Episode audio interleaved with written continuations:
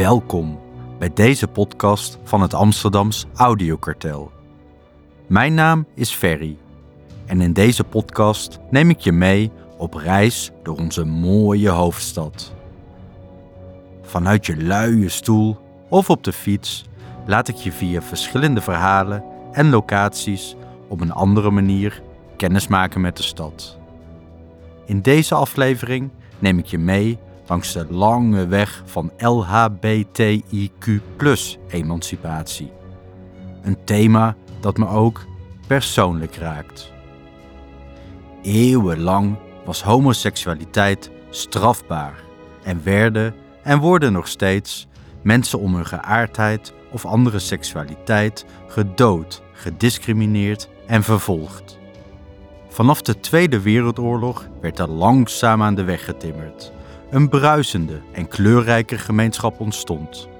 En de Gay Pride, hier in ons geliefde Amsterdam, groeit uit tot het grootste openluchtevenement van Nederland.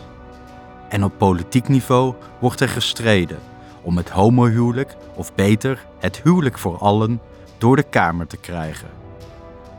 In 2001 was het zover en werd Nederland het allereerste land ter wereld waar trouwen voor mensen van het gelijke geslacht mogelijk was.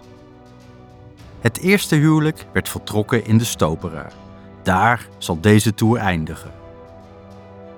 Voor deze aflevering sprak ik met Fanny Reyes, Irene Hemelaar en Boris Dietrich. Fanny is voorzitter van COC Amsterdam. Irene organiseerde acht jaar lang de Amsterdamse Pride. Boris speelde een zeer belangrijke rol bij de invoering van het homohuwelijk. Het gesprek met Fanny heb ik opgenomen op het kantoor van het COC. Irene sprak ik op het terras van haar favoriete kroeg in de Jordaan. En Boris? Boris heb ik bij hem thuis ontmoet. De route is per fiets af te leggen. Op iedere locatie kom je meer te weten over de regenbooggemeenschap, de strijd voor gelijke rechten en de leidende rol die Amsterdam in de emancipatie speelde. Na ieder verhaal vertel ik je waar je vervolgens naartoe kunt fietsen. Met een pauze en een drankje in de reguliers doe je over deze route ongeveer twee uur. Maar laten we gewoon beginnen en starten aan de Westermarkt. Daar vind je op het pleintje achter de Westerkerk, half in de Keizersgracht, het Homo-monument. Ik blijf in mijn luie stoel vandaag en lood jullie van hieruit door regenboog Amsterdam.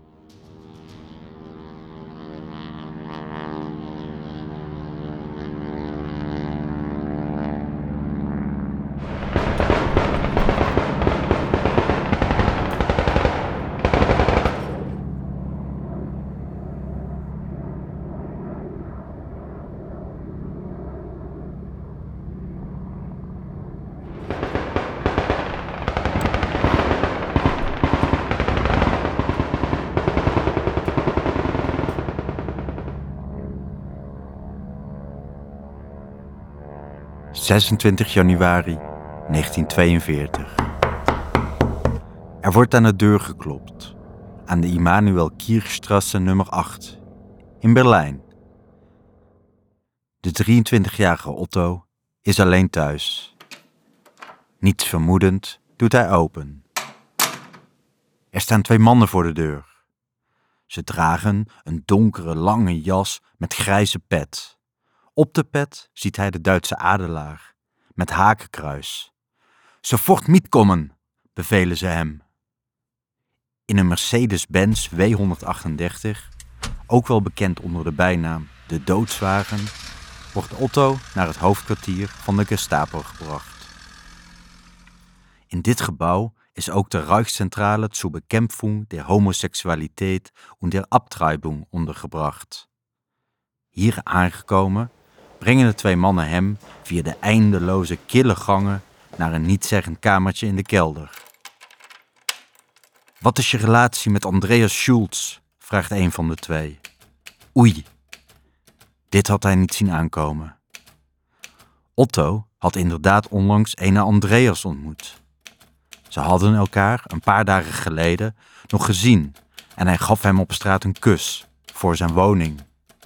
Otto had zichzelf ingepeperd dat hij altijd moest zeggen dat hij van niets wist, mocht hij ooit opgepakt worden. Hij ontkent dan ook alles. Hij wordt een week lang opgesloten en krijgt vervolgens, tijdens een zitting die nauwelijks vijf minuten duurde, te horen dat hij schuldig is bevonden aan sodomistisch gedrag.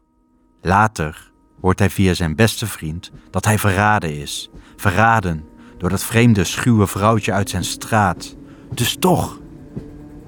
Op 8 maart 1942 wordt Otto gedeporteerd naar kamp Sachsenhausen. En een maand later gaat hij door naar Dachau bij München. Daar wordt hij ontluist en kaalgeschoren. Zijn kleding wordt voorzien van een roze driehoek. Op een dag slaat een zogenaamde capo, een Pools-Joodse gevangenisbewaarder, met een geweerkolf de tanden uit Otto zijn mond. Otto wordt er ziek van en komt in de ziekenbarak terecht. Daar wordt hij korte tijd later door de kamparts gecastreerd. Hij is als schuldig bevonden homo een gevaar voor de Arische voortplanting. Het overgrote deel van de medegevangenen met een roze driehoek overleeft het kamp niet. Ze sterven door honger, ziekte en mishandeling, of werden het slachtoffer van gerichte moord. Otto blijft bidden en denkt steeds: ik kom weer naar huis. Maar helaas, ook zijn leven eindigt op 12 december 1942 in de gaskamers. Dit was de keiharde realiteit in Nazi-Duitsland. Nederland is hier gelukkig van gespaard gebleven. Ondanks dat homoseksualiteit ook hier strafbaar was gesteld door de Duitse bezetter, werden homoseksuelen niet gedeporteerd en hoefden ze zelfs geen roze driehoek te dragen. Maar ook hier stond tot 1811 de doodstraf op homoseksueel gedrag. Daarna was homoseksualiteit tot aan de Tweede Wereldoorlog weliswaar niet langer strafbaar, maar van maatschappelijke acceptatie was nog absoluut geen sprake. Tot ver in de 20e eeuw werden homoseksuele verlangens als een psychische stoornis gezien. Welkom bij het Homo-monument. De plek die mensen moet inspireren en steunen in hun strijd voor erkenning en tegen onderdrukking en discriminatie. Heb je de roze driehoek al herkend? Op deze eerste locatie laat ik je kennis maken met de betekenis van dit monument. Ook verklap ik waar de alsmaar langer wordende afkorting LHBTIQ voor staat. Vervolgens bekijken we hoe de acceptatie van de LHBTIQ gemeenschap zich heeft ontwikkeld sinds de Tweede Wereldoorlog. En tot slot horen we de persoonlijke coming-out van Boris en Fanny. Dus, wat is het Homo-monument? Dit monument dient ter herdenking van alle homoseksuele mannen en vrouwen die zijn vervolgd vanwege hun geaardheid. Het staat symbool voor de lange weg van de homo-emancipatie in Nederland en ver daarbuiten. Op deze plek wordt gevierd en gedanst, zoals tijdens de jaarlijkse Pride, om in vrijheid te kunnen zijn wie je bent. En er wordt middels demonstraties opgeroepen tot waakzaamheid. Waakzaamheid voor in het heden en in de toekomst. Op de punt van het monument in de Keizersgracht liggen vaak bloemen, neergelegd door pasgetrouwde stelletjes of nabestaanden van een overledene. Wat eens een teken was om homoseksuelen in concentratiekampen, zoals Otto, aan te duiden, is sinds de jaren 70 van de vorige eeuw het trotse symbool geworden tegen onderdrukking en tegen uitsluiting van homo's, lesbo's, bis en transgenders. We gaan kennis maken met onze eerste gast, Irene Hemelaar. Tijdens het gesprek op het terras van Café Sarijn haalde Irene een roze driehoek uit haar tas. Laten we even luisteren naar wat de roze driehoek en het homo-monument voor haar betekenen. De roze driehoek, die kreeg ik van mijn uh, oom. Ik heb een, een transgender neef die toen ik 13 was, met 14 als, uit de kast kwam als lesbienne. Zij was echt heel activistisch. En ik had iets van, nou, ik kan dus niet lesbisch zijn, want dan moet je dus dat allemaal zijn. Dus kort haar en uh, dat ben ik allemaal niet. Ik wil een meisje zijn. En uh, dus hè, dat, die, die manieren van denken. Hè, van waarom, waarom wil je zo mannelijk zijn? Ik ben toch een vrouw, dus ik, ik snapte er allemaal geen hol van. Dus eigenlijk, dat, dat, dat vertelt ook iets over het homo-monument. Ik snapte daar geen hol van. En uh, dat het voor heel veel mensen belangrijk was. En in de loop der jaren voor mij ook belangrijk is geworden. Nou ja, hè, dus dat mijn oom jaren, jaren geleden voor mij deze driehoek heeft gemaakt. Nou, ik droeg hem bijna nooit. Maar ik ben hem in de loop der jaren steeds vaker gaan dragen. Omdat het, nou, behalve dat het een mooi sieraad is, ook, ja, het, het, ook dit is zichtbaarheid. En het Homo Monument is een plek waar mensen feesten, waar mensen rouwen, waar de dodenherdenking plaatsvindt. En, Irene, laten we meteen iets rechtzetten. Het Homo-monument heet dan wel zo, maar tegenwoordig spreken we liever van, je hebt het al gehoord, de LHBTIQ-gemeenschap. Waar staat die alsmaar langer wordende afkorting LHBTIQ voor? Irene legt ons de betekenis van alle letters uit. LHBTQ emancipatie. Zover zijn we inmiddels en dat er maar veel letters bij mogen komen. Ja. Voor het gemak wordt er ook wel nu steeds meer voor gekozen voor regenboog als overkoepelende term. Ja, ook goed. Ook om niet de hele tijd LBTQI te hoeven zeggen. Ik kan het heel goed, want ik heb geoefend. Uh, eigenlijk alles, alles wat niet cis-hetero is, dat is de community. Cis en of hetero. Moet wel netjes blijven. Ja. Maar homo, dat zegt de lading niet. Nee. Zou die letters eens uit kunnen leggen? Lesbisch, homo, trans, queer, intersexe en wat al niet meer zijn. Alle letters, Irene. Je vergeet de letter B. De letter B staat voor bi. En de Q voor queer, zeg je? Hmm, wat is dat, queer? De betekenis van queer is in de loop der jaren veranderd. Ik vroeg aan Fanny Rijers, voorzitter van COC Amsterdam, waar het tegenwoordig voor staat. Dus tijd om kennis te maken met onze tweede gast. Queer heeft verschillende definities, maar queer is met name anders dan anders. En wat in onze community en wat heel veel naar voren komt, zijn al die letters die we dan merken. Wat je homo noemt, valt onder queer. Lesbi valt ook onder queer. Maar het is ook iemand die non-binair is. Of iemand die intersexe uh, conditie heeft. En er zijn mensen die dan ook aseksueel zijn. En queer is dan ook een paraplu-term die veel makkelijker daarvoor past. Want dan ben je gewoon anders dan anders. Dat betekent niet dat je anders bent dan normaal. Want het normaliseert het niet. Het normaliseert niks. Zelfs een hetero die asexueel is of uh, wil experimenteren met iets anders in zijn leven, maar dat hij dan anders identificeert, dat hoeft niet per se een letter te krijgen. Dat kun je onder queer dan plaatsen. En sommige mensen kijken nog steeds naar de queer van de jaren 60 en 70 en dat was met name gay. Of dat waren crossdressers of drags van toen.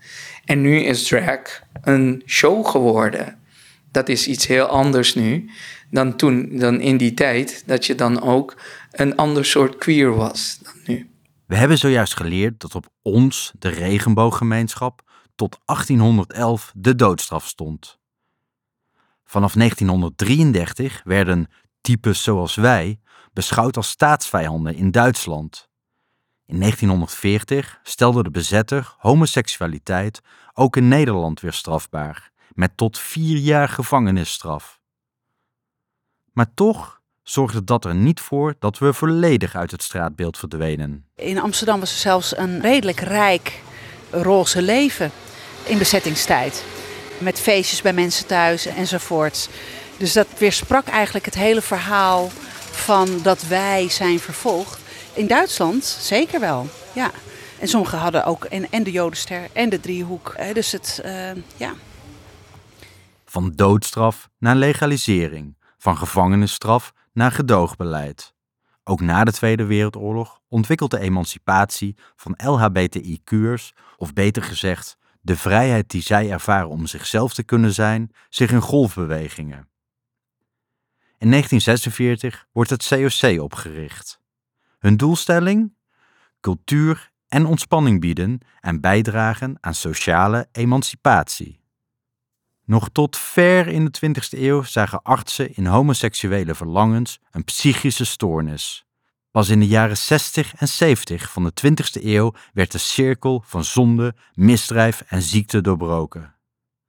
Ook Fanny herkent de golfbeweging in de emancipatie door de jaren heen. Het was met name na de Tweede Wereldoorlog, want um, ja, COC is opgericht in 1946, dat het idee dat je vrij bent na de Tweede Wereldoorlog niet voor iedereen gold. Niet heel snel. Toen waren we vrij en ineens gold het niet voor een aantal mensen, waaronder LHBT'ers. En zodoende is het begonnen dan. Maar toen was het op een hele creatieve manier dan. Maar toen was dat de politie dan ook racias dan ook deden, waar homo's of lesbiennes of queer mensen dan bij elkaar kwamen. Omdat dat niet paste met het geloof van toen, omdat het niet paste in de cultuur. En het was de verdoemenis en de dominees hadden het vaak dat je naar de held ging. Dus dat was dan ook de reden waar, waar het dan ook begon. En de strijd ging maar door, omdat je daarna dan ook zag dat na wederopbouw en de huisvesting die er plaatsvond daarna, dat het maar binnen de normen bewoog, dan kon je wel rekenen op een goed leven. Maar je moest best verborgen zijn. Je moest nog steeds blijven trouwen met een vrouw, of een vrouw met een man. Of je ging alleen in het leven, of je zocht een werk in het buitenland, waar je dan aan niemand rekening, met rekening moest houden, maar ook geen rekening moest geven. En dat is dan ook doorgegaan. En dat zijn die momenten waarbij dan vanuit Amerika overgewaaid van, van de Stonewall Riots en de Pride Marches die aan het opkomen waren, die dan ook ervoor een tweede incentive waren hier in Nederland om dan ook te gaan protesteren. De eerste groep die ging protesteren, dat waren lesbische eh, vrouwen. Die gingen protesteren daartegen. Dus dat was weer een incentive. Het waren studenten, maar met name lesbische vrouwen die die beweging uh, nieuw leven in, in bliezen. En daar zag je ook de link direct met de feministische beweging van die tijd. Dat het vrouwen waren. En zo is COC ook van naam veranderd dan. En het heet er nog steeds, uh, tot de dag van vandaag staat COC voor Cultuur- en Ontspanningscentrum. En daarna ging het weer goed. Toen kwam de disco-periode, wat liberale periode en de jaren tachtig. En toen kwam AIDS. Weer een bangmakerij die er plaatsvond en die ons heel snel in een hoekje stopte. Van ben je homo, dan, dan ga je aids krijgen. Ga niet om met die homo, want anders krijg je aids. Dat was weer een hele beweging die er plaatsvond. En na het openstellen van het huwelijk, waar met name Boris Dietrich aan gewerkt heeft, dat is dan de laatste beweging die we hebben gezien. En daarna is het een beetje stil geworden, totdat we nu alweer het geloof en geweld meemaken op straat, in huis en in het, in het nieuws iedere keer zien. Dus ik, ik, ik zit niet te wachten, maar ik hoop dat meerdere mensen hiervan bewust worden dat we de straat op moeten gaan. En, en als het in deze tijd de straat op gaan niet meer helpt, dan moeten we iets daarvoor gaan verzinnen. We moeten iets gaan verzinnen, want dit kan zo niet meer. Maar nu met de Black Lives Matter beweging, dan zie je ook dat het meer is dan alleen maar LGBT. Er is gewoon iets dat moet veranderen in de samenleving. Maar terug naar de tijdslijn, dat denk ik wel dat dat momenten zijn geweest. Die dan ervoor, iedere keer gaat het om, om onrechtvaardigheid. Je wordt gemarginaliseerd, uitgesloten. En op het moment dat het niet meer te pikken is, of dat het eigenlijk dat het zo ver oploopt dat we dan weer onze rechten weer gaan zoeken. En ik denk dat we bijna tegen zo'n keerpunt weer zitten. Dat we het niet meer pikken. Tja, En tussen de aidsperiode en het openstellen van het huwelijk hadden we nog de jaren 90. Dat was een mooie periode, toch Irene? Er was een heel grote vrijheid. In 1994 was er Europride. Nou, toen voelden we ons echt meerderheid van de stad. dus dat was heel leuk om zo te voelen. En ook van, uh, wie doet me wat? En ik begrijp dat het voor jonge mensen nu echt een stuk minder nou ja, laten we zeggen, een, soort van naïeve blijheid die wij hadden, dat het, dat het minder is. Er kan nog steeds een hele hoop, maar in de openbare ruimte is dat wel beperkt tot bepaalde plekken. Ik denk dat de hele maatschappij, zowel nationaal als internationaal, is alles preutser geworden. Dus in de jaren negentig zonden we altijd toples als vrouwen. Nu word je raar aangekeken als je niet een bovenstukje aan hebt.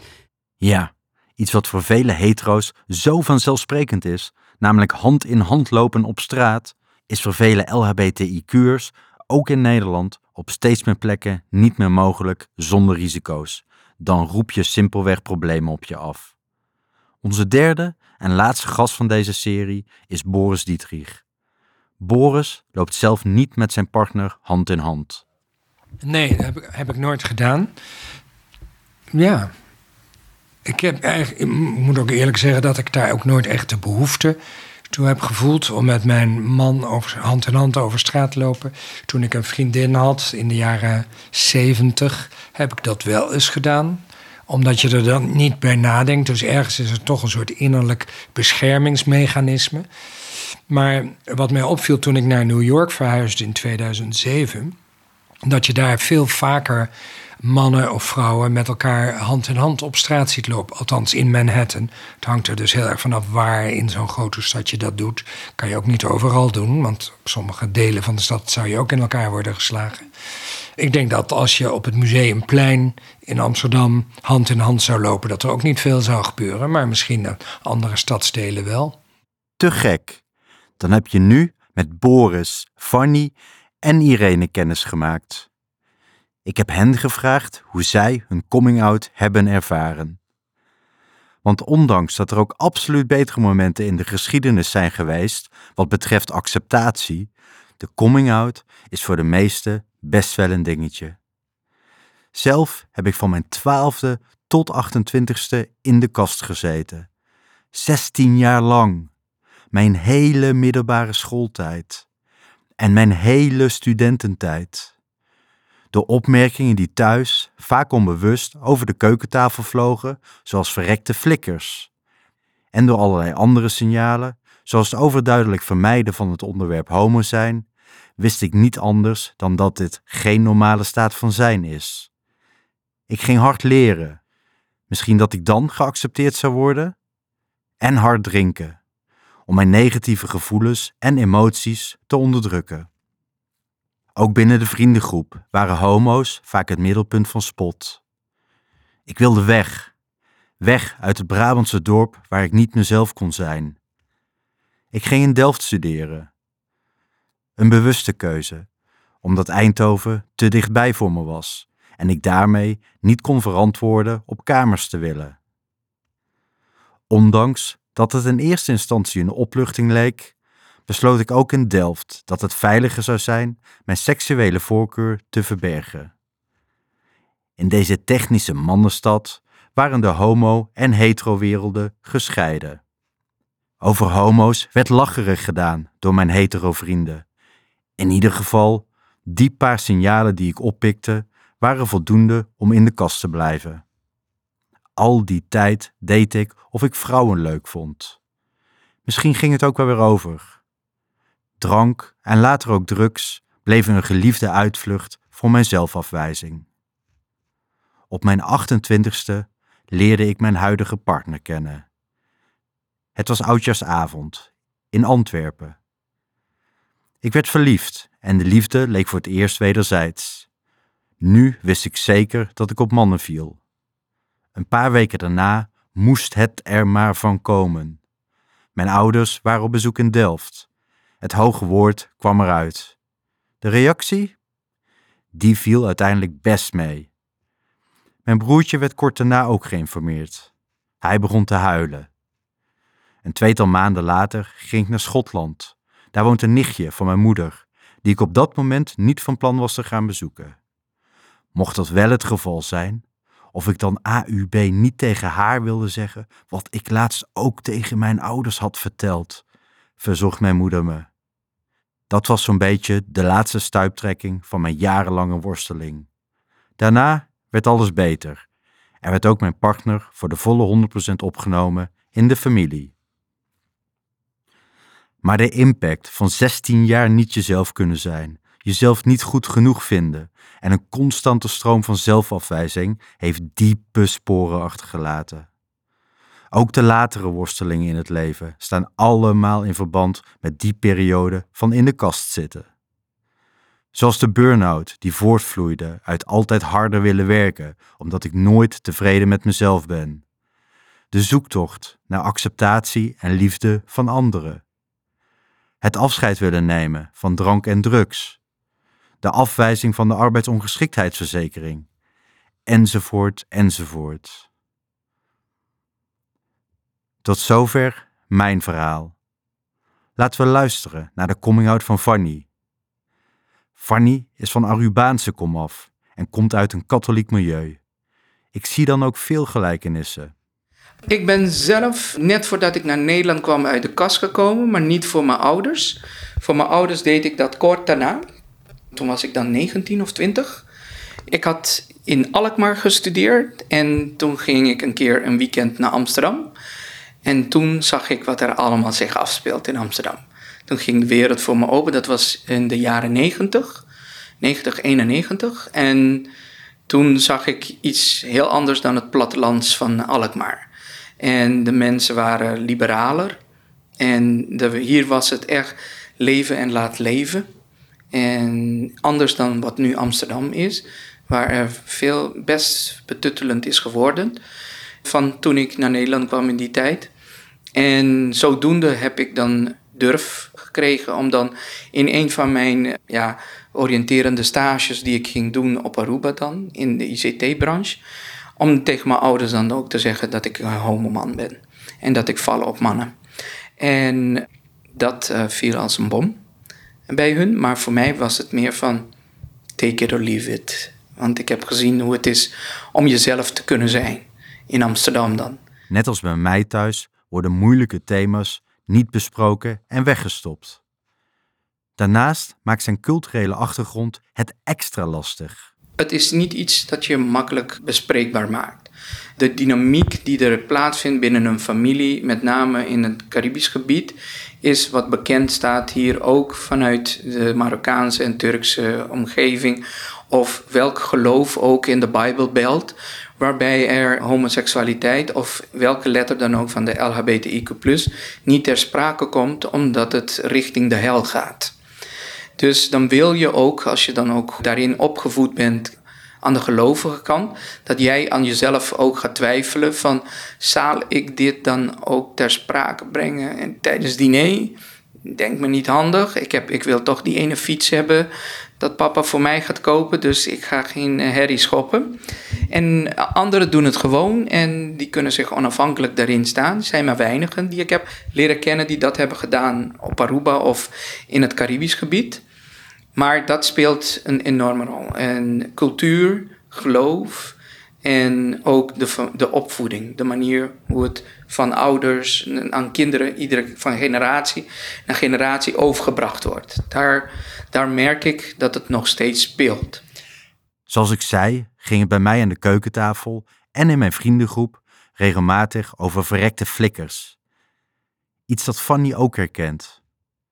Dat hoef je maar een paar keer te horen om in de kast te blijven. Maar bij hem thuis was ook nog eens sprake van een gewelddadige sfeer. Ja, mijn vader was niet zo'n spreker eh, daarover, maar het was niet iets dat je het aandurft, want alles werd met geweld afgerekend. Dus dan wist je al van, zelfs als je een slecht cijfer van school meenam naar huis, dan werd je in elkaar geslagen dan, daardoor, omdat je niet goed presteerde. Dus als je dan gaat zeggen dat je homoseksueel bent en het past niet binnen het geloof, dan was de verwachting in, in mijn hoofd ook van, dan word ik in elkaar geslagen en dan word ik gestraft voor een hele lange periode. Heftig. Je voelt de worsteling. Ook Boris zijn coming out ging niet heel soepel. Toen ik tiener was, wist ik natuurlijk wel dat ik mannen aantrekkelijk vond, maar vrouwen ook. Ik heb ook wel vriendinnen gehad. En ja, dan, dat gaf mij dan de hoop dat ik biseksueel zou zijn. Nou ja, en mijn ouders hebben twee kinderen. Mijn zus is anderhalf jaar ouder en die was lesbisch. En dat was voor mijn ouders heel zwaar, heel moeilijk. En die zeiden toen tegen mij, ik was 18, gelukkig hebben we jou nog. Via jou krijgen we kleinkinderen. En dat heeft mij toch echt wel jaren op achterstand gezet... dat ik van mezelf niet homo of biseksueel mocht zijn. Ik had een vriendin en met die vriendin veel hierover gesproken. En wij dachten in het begin, we zijn verliefd op elkaar... dus we blijven bij elkaar en dan gaat dat wel over, dat homo zijn, maar dat was natuurlijk niet zo. Dat kon ik niet tegenhouden. En op een gegeven moment ben ik uit de kast gekomen. Maar toen was ik toch al iets van 25 of zo. Nou ja, mijn ouders die waren dus heel verdrietig omdat mijn oudere zus lesbisch was. Dat vonden ze een kruis wat God hen gegeven had om te dragen. En op een mooie zondagmiddag in augustus ging ik naar mijn ouders toe.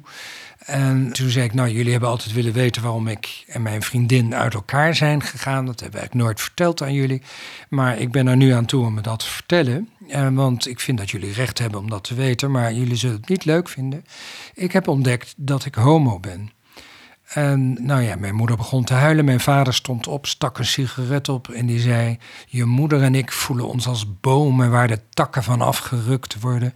God geeft ons nu twee kruizen om te dragen. Ga nu maar, jongen. En toen werd ik weggestuurd het huis uit. En ik liep terug naar de auto. En normaal gesproken, als bij mijn ouders was, keek ik om. En dan zwaaiden ze, stonden ze in de deuropening of wat dan ook. En nu keek ik om. En toen zag ik net dat mijn vader de gordijnen van de huiskamer dicht deed. Terwijl het gewoon een prachtige zondagmiddag was. De zon scheen. En dat gaf zo'n naar beeld dat ze zich opsloten eh, van de buitenwereld. En dat heeft dus ook wel een tijd geduurd. Maar goed, het contact is hersteld en goed geworden. Maar ze hebben heel veel verdriet gehad dat ze twee kinderen hadden, eentje lesbisch, één homo. Uit deze persoonlijke verhalen en de geschetste golfbewegingen wordt wel duidelijk dat LHBTIQ-emancipatie nog geen voltooid proces is. Je opgesloten voelen, niet vrij zijn, niet deugen.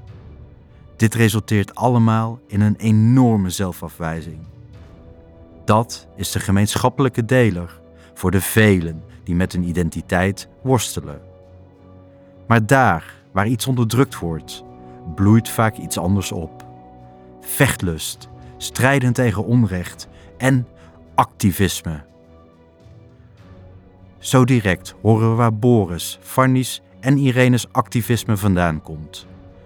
Ik nodig je uit om met de fiets in de hand over de Prinsengracht tot aan de Leidstraat te lopen. Terwijl je dit doet, kun je luisteren naar het tweede deel van deze afleveringenreeks.